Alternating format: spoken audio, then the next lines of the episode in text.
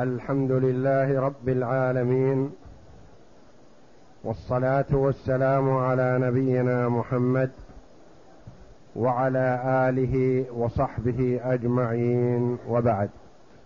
بسم الله بسم الله الرحمن الرحيم. الحمد لله رب العالمين والصلاة والسلام على نبينا محمد وعلى آله وصحبه أجمعين. قال المؤلف رحمه الله تعالى فصل فأما الخارج من البحر كاللؤلؤ والمرجان والعنبر ففيه روايتان.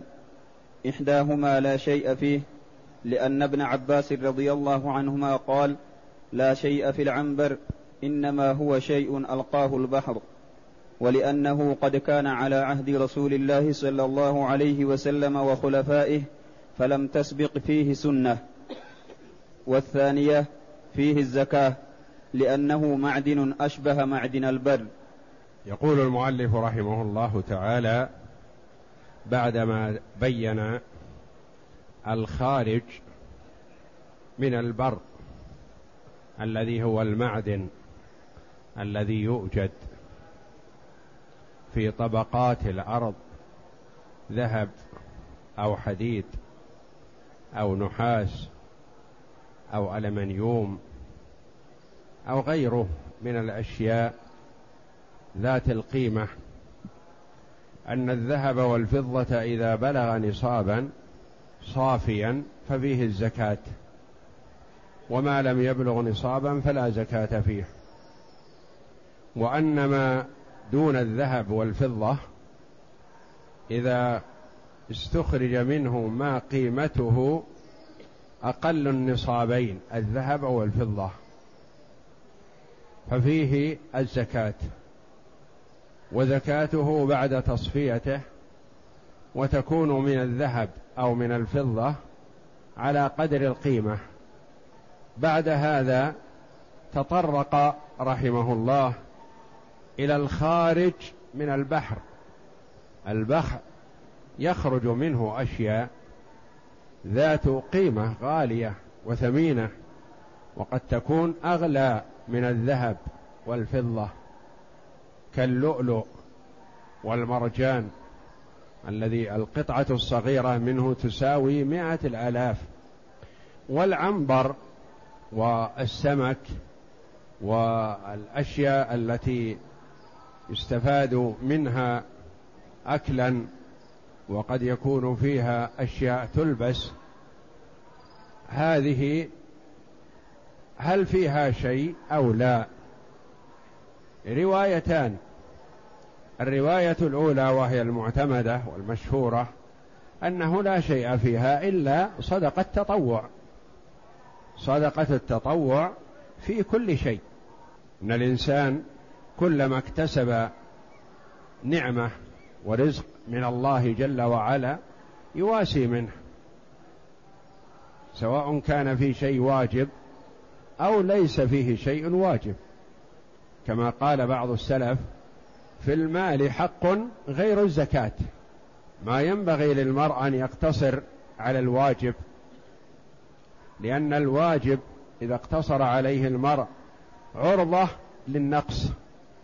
فإذا نقص الواجب فالويل له والعقاب الشديد. وإذا أعطى الواجب وأعطى نفلا فمن فضل الله جل وعلا وجوده على عباده أنه يكمل الفرائض لعباده بالنوافل التي يقدمونها في الدنيا. فمثلا في سنة من السنوات شح بيده المال فراى انه اعطى الواجب وهو لم يعط الواجب في الحقيقة قصر. فصدقات التطوع التي يخرجها يكمل الله جل وعلا بها الفريضة الزكاة الواجبة. كذلك نوافل الصلاة كلما أكثر المسلم من نوافل الصلاة إن كان قصر في فريضة من الفرائض أو قصر في أيام من عمره في الفرائض الواجبة أو قصر في الطهارة أو نحو ذلك فالله جل وعلا يكمل النقص الذي حصل عليه في فريضته بهذه النوافل التي يصليها في الليل والنهار.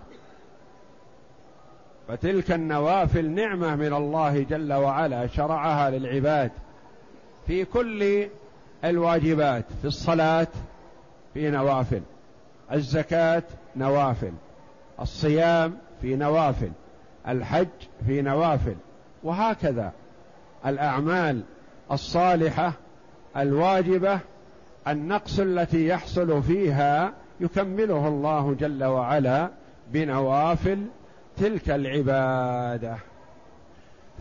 فالروايه المشهورة في المذهب على أن المخرج من البحر لا زكاة فيه واجبة لا يعتبر من المعادن التي فيها الزكاة ولا يعتبر من الركاز بل هو مثل الأشياء المباحات التي تؤخذ من الأرض لا زكاة فيها مثل الحشيش العشب ومثل الكمعة الفقع وغيرها من الأشياء التي تجنى من الأرض هذه مباحة يستحب للإنسان إذا جنى منها شيء أن يواسي غيره ولا يجب.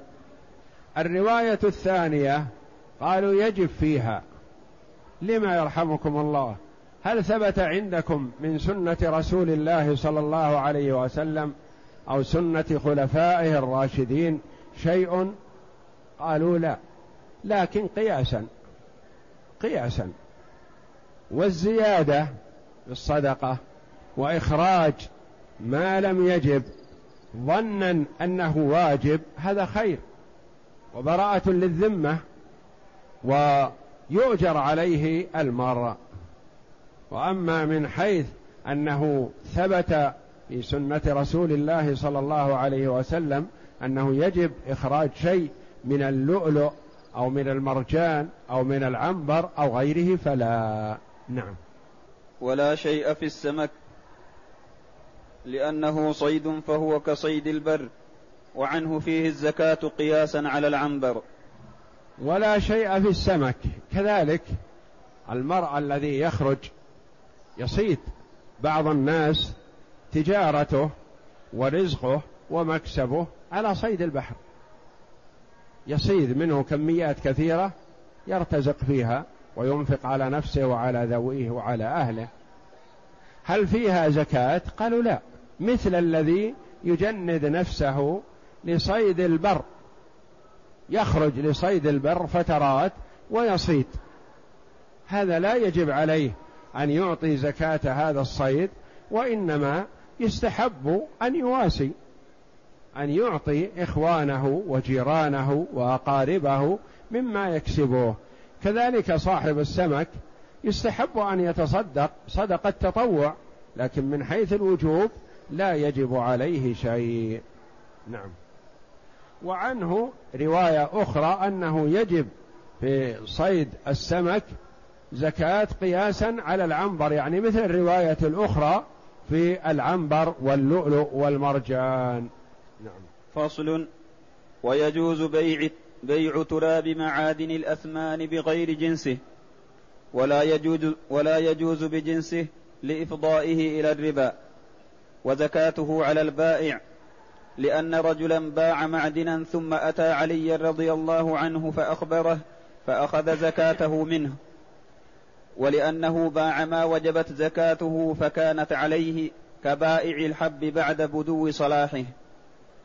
ويجوز بيع تراب معادن أثمان بغير جنسه واحد يحفر في الأرض ويستخرج أشياء مواد خام فيها ذهب لكن فيه تراب كثير.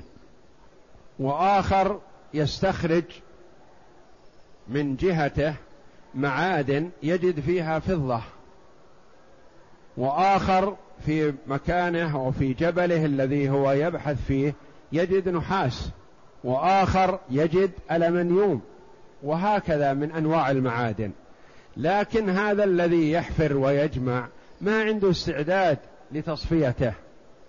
عنده يعمل عنده عمل يعمل ليل نهار لكن التصفية تحتاج إلى مكائن وإلى أجهزة وإلى خبراء وإلى هندسة وهو ما عنده استعداد لهذا. يحمل في السياره في قلابيات من هذا التراب. هل يجوز بيع تراب فيه ذهب بذهب؟ هل يجوز بيع تراب فيه فضة بفضة؟ لا. لماذا؟ لأنه يفضي إلى بيع الشيء بجنسه غير منضبط.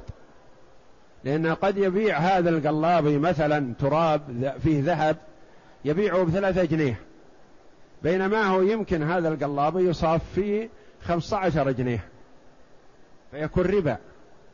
كذلك الذي باع حمولة سيارة مثلا من تراب فضة باعه بمائة ريال فضة. يحتمل أنه يصفي مثلا هذا خمسمائة ريال وألف ريال. فيكون ربا ولا يجوز. لكن تراب الذهب يبيعه بماذا؟ يبيعه بفضة بدراهم ما يخالف. تراب الفضة مثلا يبيعه بذهب. يقول عندي هذه الشحنة مثلا من تراب فيه ذهب في فضة. لكني ما أستطيع صفيه فيبيعه بدراهم نقول لا يجوز. يقول بماذا أبيعه؟ نقول بيعه بذهب يدا بيد. فيبيعه بثلاثة جنيه بأربعة جنيه وهكذا ذهب يدا بيد لا بأس.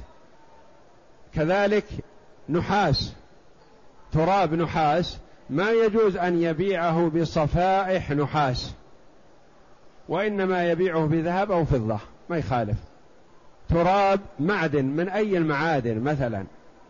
يجوز أن يبيعه بالذهب والفضة دون معدن جنسه خشية أن يكون في زيادة أو نقص. وتتعلق الزكاة بالمعدن بظهوره. والزكاة إذا اشتراه إذا أخذوا هذا صاحب المنجم حفر في الأرض ويحمل تراب فيه ذهب وفيه فضة وهذاك يصفيه الزكاة على من؟ على واجده على مستخرجه. يقدر بكم مثلا باعه فيخرج زكاته بقدر القيمة. لأنه لا يكلف أن يخرج الزكاة أكثر مما استلم من القيمة. باعه مثلا بخمسمائة ريال نقول أخرج زكاة خمسمائة ريال. اثنى عشر ريال ونصف وهكذا. فالزكاة على الواجد. ثم صاحب المصنع هذا الذي يشتغل. هل عليه زكاة؟ لا ما عليه زكاة. حتى يحول عليه الحول ويكون عنده شيء من الذهب حال عليه الحول يزكيه. أما إذا صفاه وأنفقه على نفسه وعلى ذويه فليس عليه زكاة لأن زكاته دفعها واجده. دفعها مستخرجه. وتتعلق الزكاة بالمعدن قاسه على ماذا؟ على صاحب الحب. لو أن صاحب مزرعة مثلا بعدما اشتد الحب واستوى وانتهى قال هذا يحتاج إلى حصاد وإلى تصفية وإلى مكاين وأجهزة وأنا ما عندي استعداد. فجاء لصاحب المكاين والمعدات قال ببيع عليك زرع هذه المزرعة. فباعه بعدما استوى بدراهم. الزكاة تكون على من؟ على البايع أم على المشتري؟ زكاة الزرع هذا لا شك على البايع لأنه هو الذي كسب الحب هذا. فالزكاة على البايع والمشتري كأي تجارة من التجارات. إذا هو باعه وأنفقه على نفسه وعلى ذويه ما عليه شيء. وإذا باعه صفاه باعه اشتغل فيه بالتجارة فهو عبارة عن عروض تجارة. وإذا صفاه وأدخله مخازنه لينفقها على نفسه وعلى من يعول طول السنة فليس فيه زكاة لأن زكاته دفعت. وتتعلق الزكاة بالمعدن بظهوره كتعلقها بالثمرة بصلاحها. ولا يخرج منه إلا بعد السبك والتصفية كالحب والثمرة. الزكاة تتعلق بالمعدن بخروجه. خروجه استقرت الزكاة. لكن متى يخرج؟ يخرج منه تراب لا يلزمه إلا بعد ما يصفيه. فإن صفاه هو أخرج زكاته. وإن باعه قبل التصفية أخرج زكاته من قيمته. باب حكم الركاز. وهو مال الكفار المدفون في الأرض. وفيه الخمس لما روى أبو هريرة رضي الله عنه عن رسول الله صلى الله عليه وسلم أنه قال وفي الركاز الخمس متفق عليه ولأنه مال كافر مظهور عليه بالإسلام فوجب فيه الخمس كالغنيمة. هذا بيان حكم الركاز. والركاز كما تقدم يختلف عن المعادن لأنه بوب هناك باب زكاة المعدن. انظر للفرق. المؤلف رحمه الله قال باب زكاة المعدن لأن المعدن في زكاة. وهنا قال باب حكم الركاز. ما قال في زكاة؟ قال حكمه.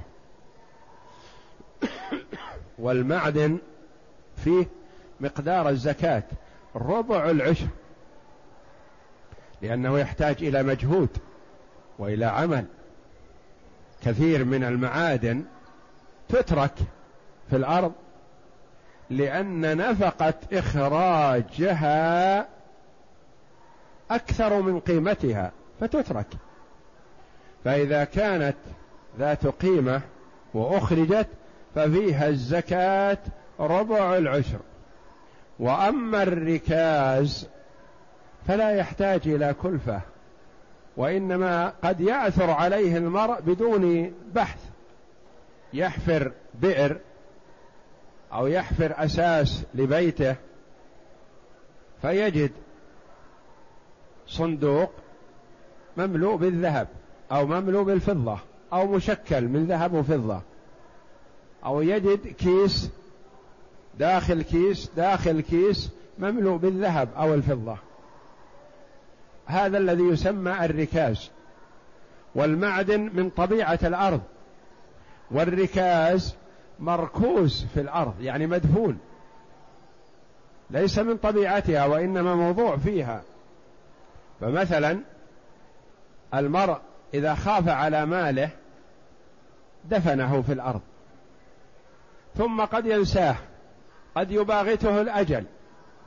قد يغار عليهم المسلمون هم كفار فيتركون المكان بما فيه. فهذا يسمى ركاز إذا كان من دفن الجاهلية.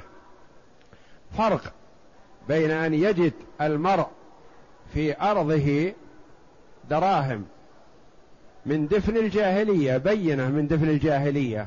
فيها أسماء ملوكهم أو عليها علامة صلبانهم. عليها شعار أنها من الجاهلية. هذا هو الذي يسمى ركاز. أما حفر في بيته ووجد دراهم مثلا من دراهم المسلمين هذا ما يسمى ركاز. هذا حكمه حكم اللقطة. يعرف إن جاء صاحبه فالحمد لله وإلا فحكمه حكم اللقطة يملكه صاحبه ثم إن جاء صاحبه يملكه واجده ثم إن جاء صاحبه فيما بعد وعرفه دفعه إليه وإلا فهو لمن وجده. والنبي صلى الله عليه وسلم قال في الحديث المتفق عليه وفي الركاز الخمس. الركاز ما وجد من دفن الجاهلية فيه الخمس لأنه لا مجهود ولا تعب في استخراجه فهو بمثابة الغنيمة التي يغنمها المسلمون من الكفار. ففيه الخمس. ويجب الخمس في قليله وكثيره من أي نوع كان من غير حول لذلك. نعم. هذا من الأمور التي يتميز بها الركاز عن المعدن وعن الذهب والفضة. الركاز يجب الخمس في قليله وكثيره. وجد مثلا خمسة ريالات من دراهم الجاهلية. نقول فيها ريال واحد. ما بلغت نصابا؟ لا ما يتقيد بالنصاب. الركاز ماله بالنصاب؟ وجده اليوم يخرج الريال اليوم. ولا ينتظر تمام الحول. ليس له حول وليس له نصاب وإنما يخرج المبلغ هذا الخمس عشرون في المئة من القليل والكثير حال وجوده. نعم. ويجب يعني على من أي نوع كان حتى وإن لم يكن من الذهب والفضة. مثلا فيه أحجار كريمة أو معادن ثمينة مثلا وجدها مدفونة وأخذها ففيها الخمس. نعم. ويجب على كل واجد له من أهل الزكاة وغيرهم لذلك. هذا من الفروق كذلك. الواجد لهذا الركاز عليه الخمس. حتى وإن لم يكن من أهل الزكاة حتى وإن لم يكن من أهل الزكاة. حتى وإن كان فقير مدين مسلم من أهل الزكاة لكنه ليس عنده شيء ومدين أكثر من هذا الركاز الذي وجد. نعم وكذلك. يعني الركاز لا ينظر للدين السابق ولا ينظر للواجد. قد يكون الواجد ذمي والذمي ليس من أهل الزكاة ما يطالب بالزكاة لأن الزكاة طهرة للمسلم والذمي مهما دفع ما يتطهر من نجاسة الشرك ولا تنفعه. الصدقة ما دام مشرك. فلو وجد الركاز ذمي قلنا ادفع خمسه. يقول ألستم لا تأخذون مني زكاة؟ والآن هذا تقول ندفع الخمس؟ نقول نعم. هذا فيه الخمس على واجده مسلما كان أو كافرا. قليلا كان المال أو كثيرا. ذهبا أو فضة أو غيرهما أيا كان. ومصرفه مصرف الفيء لذلك. ولأنه روي عن عمر رضي الله عنه أنه رد بعض خمس الركاذ على واجده. ومصرفه مصرف الفيء. بخلاف مصرف الزكاة. مصرف الزكاة على من؟ على الأصناف الثمانية التي ذكر الله جل وعلا في كتابه العزيز. ما يزاد في غيره. الإمام مثلا في حاجة إلى تعبيد طريق. المسلمون منتفعون به انتفاعا عظيما.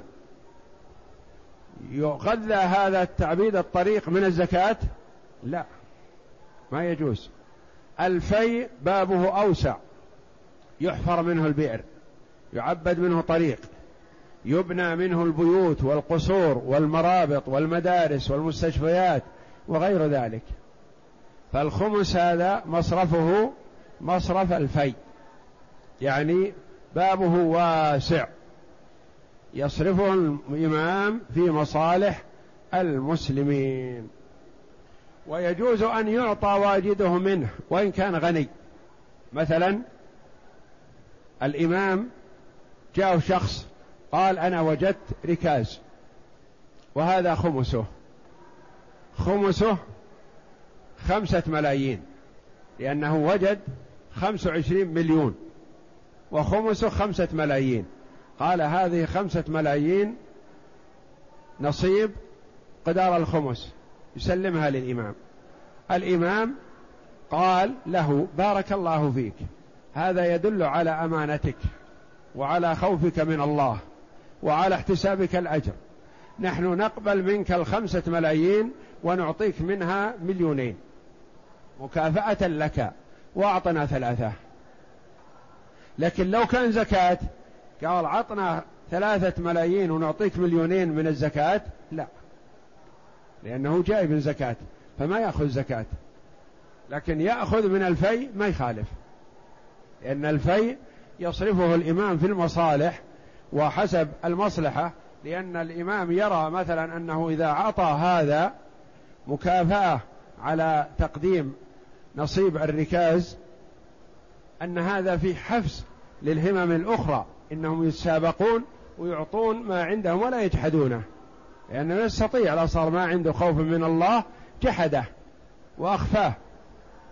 لكن إذا علم أنه سيرد عليه بعض الركاز يسارع في تقديم الواجب عليه. ولا يجوز ذلك في الزكاة. نعم ما يجوز في الزكاة أن يأتيه الرجل يأتي بخمسة آلاف ريال من الزكاة يقول نعم نقبل منك الخمسة ونعطيك ألف لك. ما يجوز لأن هذه زكاة ما ترد عليه. نعم.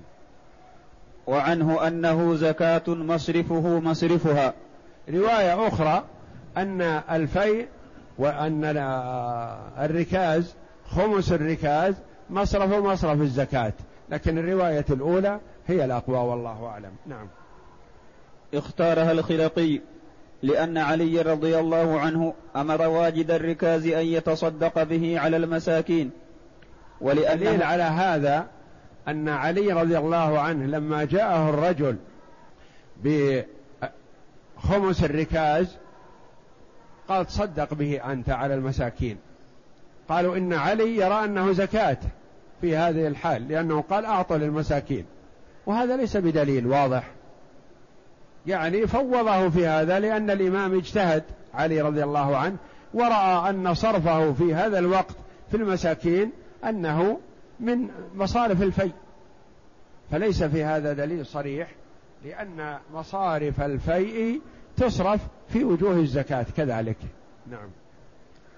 ولأنه حق تعلق بمستفاد من الأرض فأشبه صدقة المعدن والعشر.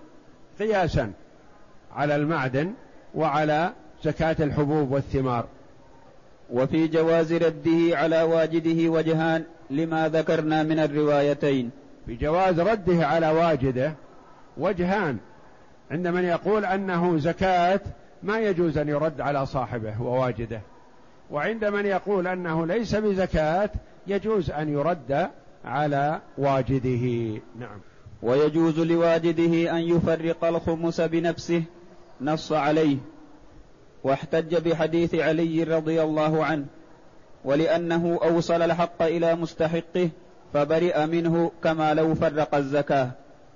ويجوز لواجده أن يفرق الخمس بنفسه كأن يخاف أنه لا يصل إلى المستحقين فيقول أنا أتولاه. أنا وجدت مثلا خمسة آلاف مدفونة يعزل منها ألف ويوزعه على المستحقين. يجوز له ذلك مثل ما إنه مؤتمن على زكاة ماله. فصل والركاز ما دفنه الجاهلية ويعتبر ذلك برؤية علاماتهم عليه كأسماء ملوكهم وصورهم وصلبهم لأن الأصل أنه لهم.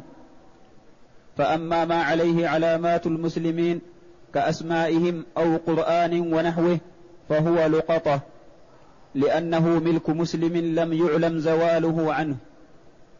وكذلك إن كان على بعضه علامة الإسلام وعلى بعضه علامة الكفار لأن الظاهر أنه صار لمسلم فدفنه وما لا علامة عليه فهو لقطة تغليبا لحكم الإسلام.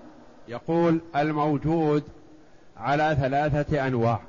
أو أربعة أنواع. نوع عليه علامة الكفار. هذا ركاز. نوع عليه علامة المسلمين. هذا لقطة. حكم حكم اللقطة. نوع عليه علامة الكفار وعلامة المسلمين. آل إلى هذا المسلم فهو لقطة. الرابع ليس عليه علامة مطلقة. وجد دراهم مدفونة في الأرض صفايح ذهب وفضة مثلا ما فيها علامة لا إسلام ولا كفر.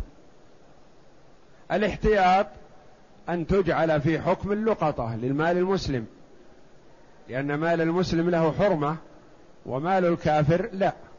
فإذا جعلناها مال كافر ملكها المسلم وأخرج خمسها. وإذا جعلناها مال مسلم قلنا لازم يعرفها. يعرفها سنة. فإن جاء صاحبها أسلمها له. وإن لم يأت صاحبها أنفقها واجدها. فإن جاء فيما بعد ووصفها أعطاها إياه. وإن لم يجئ فهو فهي لواجدها. فالأحوط ما هو؟ أن تجعل في حكم اللقطة. يعني إن وجد عليها علامة كفار فهي ركاز. وجد عليها علامة كفار مسلمين فهي لقطة. وجد عليها علامة المسلمين فقط فهي لقطة. وجد خالية من العلامة فهي لقطة أحوط. إذا ما بقي للركاز إلا نوع واحد وهو ما وجد عليه علامة الكفار فقط. فصل ولا يخلو الركاز من أحوال أربعة. أحدها أن يجده في موات فهو لواجده. هذا لا إشكال فيه. يعني الركاز قد يجده المرء في البر أو يجده في أرض استأجرها. أو يجده في أرض اشتراها أو يجده في أرض للكفار. أربعة أحوال. إذا وجده في موات من الأرض يعني في البر لا ملك زيد ولا عمرو ولا ملكه هو. هذا لواجده بلا إشكال. نعم. الثاني وجده في ملك آدمي معصوم ففيه روايتان. إحداهما يملكه واجده لأنه لا يملك بملك الأرض إذ ليس هو من أجزائها وإنما هو مودع فيها فجرى مجرى السيد والكلأ يملكه من ظفر به كالمباحات كلها. وإن ادعاه صاحب الأرض فهو له مع يمينه لثبوت يده على محله. والثانية هو لصاحب الأرض إن اعترف به فإن لم يعترف به فهو لأول مالك لأنه في ملكه فكان له كحيطانه. فإن كان الملك موروثا فهو للورثة إلا أن يعترفوا أنه لم يكن لموروثهم فيكون لمن قبله. أنه لم لم يكن لمورثهم فيكون لمن قبله. فإن اعترف به بعضهم دون بعض فللمعترف به نصيبه وباقيه لمن قبله. الثالث الثاني وجده في ملك آدمي معصوم. واحد دخل مزرعة لشخص ما. ما في علامة ولا في شيء. قام يحفر بهذه الأرض فوجد الركاز. قالوا هذا في روايتان. الأولى أنه لواجده. لما؟ أليست الأرض ملك لزيد وعمر؟ نعم الأرض ملك زيد. لكن هذا ليس من أجزاء الأرض. هذا مودع فيها وكان نصيب هذا الرجل. وجده وأخذه. دليلكم على هذا ما عندنا دليل وإنما عندنا قياس. لو أن شخصا مثلا مر في طريقه فرأى طائر غريب في مزرعة هذا الشخص. فصاده والطائر هذا ليس لهذا الشخص ولا ملكه وإنما هو جاء ووقع على شجرة داخل هذا البستان فجاء الرجل الآخر فصاده. أليس يكون له؟ أليس يجوز للرجل أن يدخل بستان زيد وبستان عمرو فيصيد فيه الطيور المباحة وقت الخريف ونحو ذلك؟ مباح هذا إذا علم عدم كراهية لذلك. فكذلك هذا قالوا هذا بمثابة الطير. هذا وجد في جوف الأرض وليس له. فيكون لواجده. إلا إن ادعاه صاحب الأرض. فإذا ادعاه وقال هو لي أنا دافنه. أنا كذا. فهو له بيمينه لأن له الأرض. وقال مثلا أنا قبل ثلاثين سنة أو أربعين سنة مثلا اشتريت صفايح ذهب ونحوها وخفت عليها السراق فرمستها في الأرض. فهي لصاحب الأرض بيمينه يملكها بيمينه. ثم إذا كان صاحب الأرض هذا قد فات مات وجاء الورثة. فلا يخلو. الورثة حكمهم حكم صاحب الأرض الأصلي. إن ادعوا أنها لمورثهم فهي لهم بأيمانهم. وإن لم يدعوا ذلك فهي لواجدها. لواجدها. روايتان. نعم. الثالث وجده في ملك انتقل إليه فهو له بالظهور عليه. وإن قلنا لا يملك به فهو لمالك قبله إن اعترف به وإلا فهو لأول مالك. الثالث الصفة الثالثة والحالة الثالثة للركاز أن الرجل الرجل مثلا اشترى بيت من البيوت القديمة فأراد أن يحفر فيه حفر إما لاستخراج الماء وإما لخزان وإما لتقوية الأساسات ونحو ذلك فوجد ذهبا. مدفون. فهو له. فهو له. لأنه ركاز وجده في ملكه.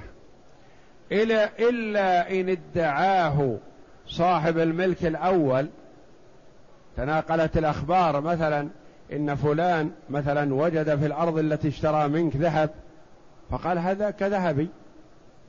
ثم ادعاه وعرف به وحلف عليه أخذه. وإن لم يدعه فهو لواجده. فإن لم يدعه الأول ينظر إلى الأول أول من أسس البيت هذا إن كان على قيد الحياة. يقال تدعي هذا الركاز فهو لك. قال لا أنا ما وضعت في الأرض شيء وليس لي. فيعود إلى واجده. نعم. الرابع وجده في أرض الحرب وقدر عليه بنفسه وقدر عليه بنفسه فهو له لأن مالك الأرض لا حرمة له فأشبه الموات. وإن لم يقدر عليه إلا بجماعة المسلمين فهو غنيمة لأن قوتهم أوصلته إليه.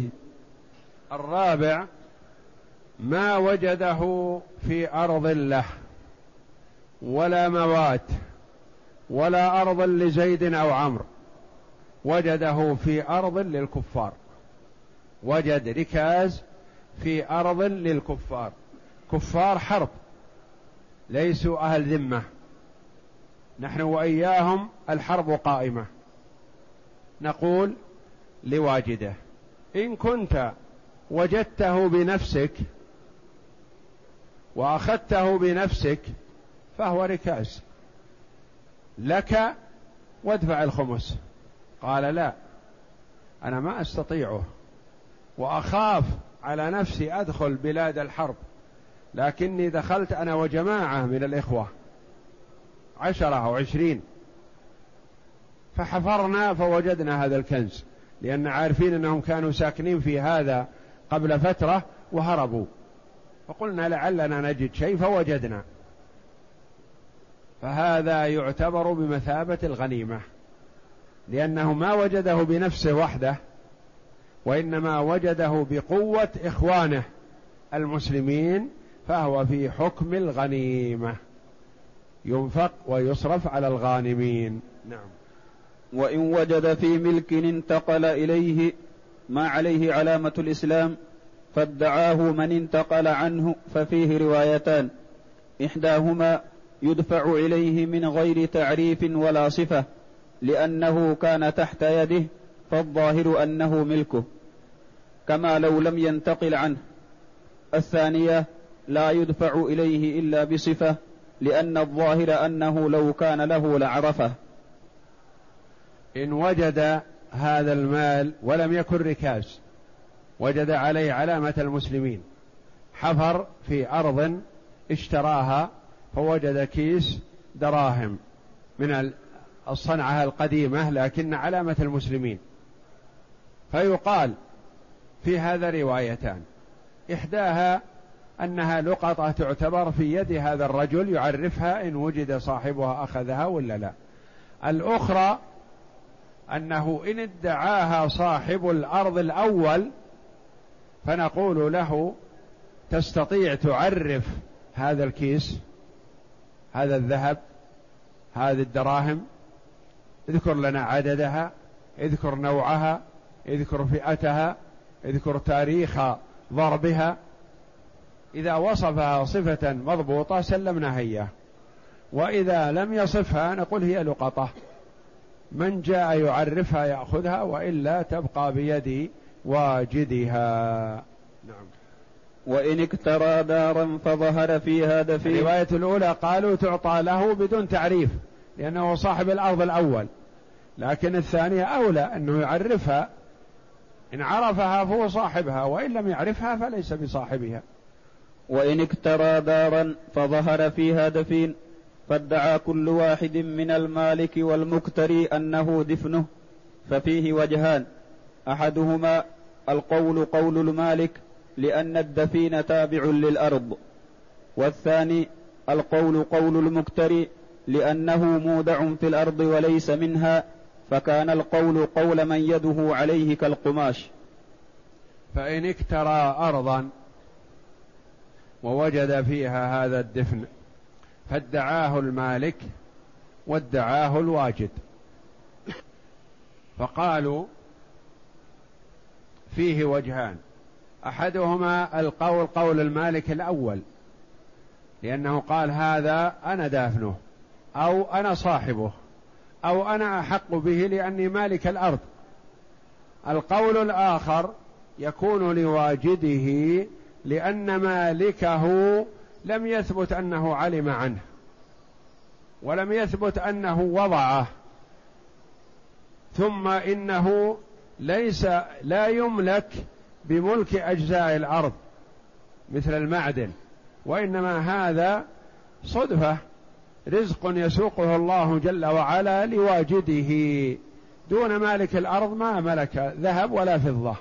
نعم. فصل. إذا استأجر أجيرا ليحفر, ليحفر له طلبا لكنز فوجد كنزا فهو للمستأجر لأنه استأجره لذلك فأشبه ما لو استأجره ليحتش له. وإن استأجره لغير ذلك فوجد كنزا فهو للأجير لأنه غير مقصود بالإجارة فكان للظاهر عليه كما لو استأجره ليحمل له فوجد صيدا. وإن استأجر أجيرا. شخص في أرض مثلا أنا أتوقع هذه الأرض أو هذه الخربة فيها كنز. لكن ما أدري هو هنا ولا هنا ولا هنا. فجاب له عامل قال أريد أن تحفر الأرض هذه كلها لعلي أجد فيها كنز. فحفر فوجد كنز. الصورة الثانية أتى بعامل قال أريد أن تحفر لي خزان في هذه الدار الخربة. سعته أربعة متر في أربعة متر عمق أربعة متر. فجاء العامل فحفر الخزان. فلما وصل إلى أربعة متر أسفل وجد كنز من دفن الجاهلية. فما الحكم؟ في الصورة الأولى والصورة الثانية.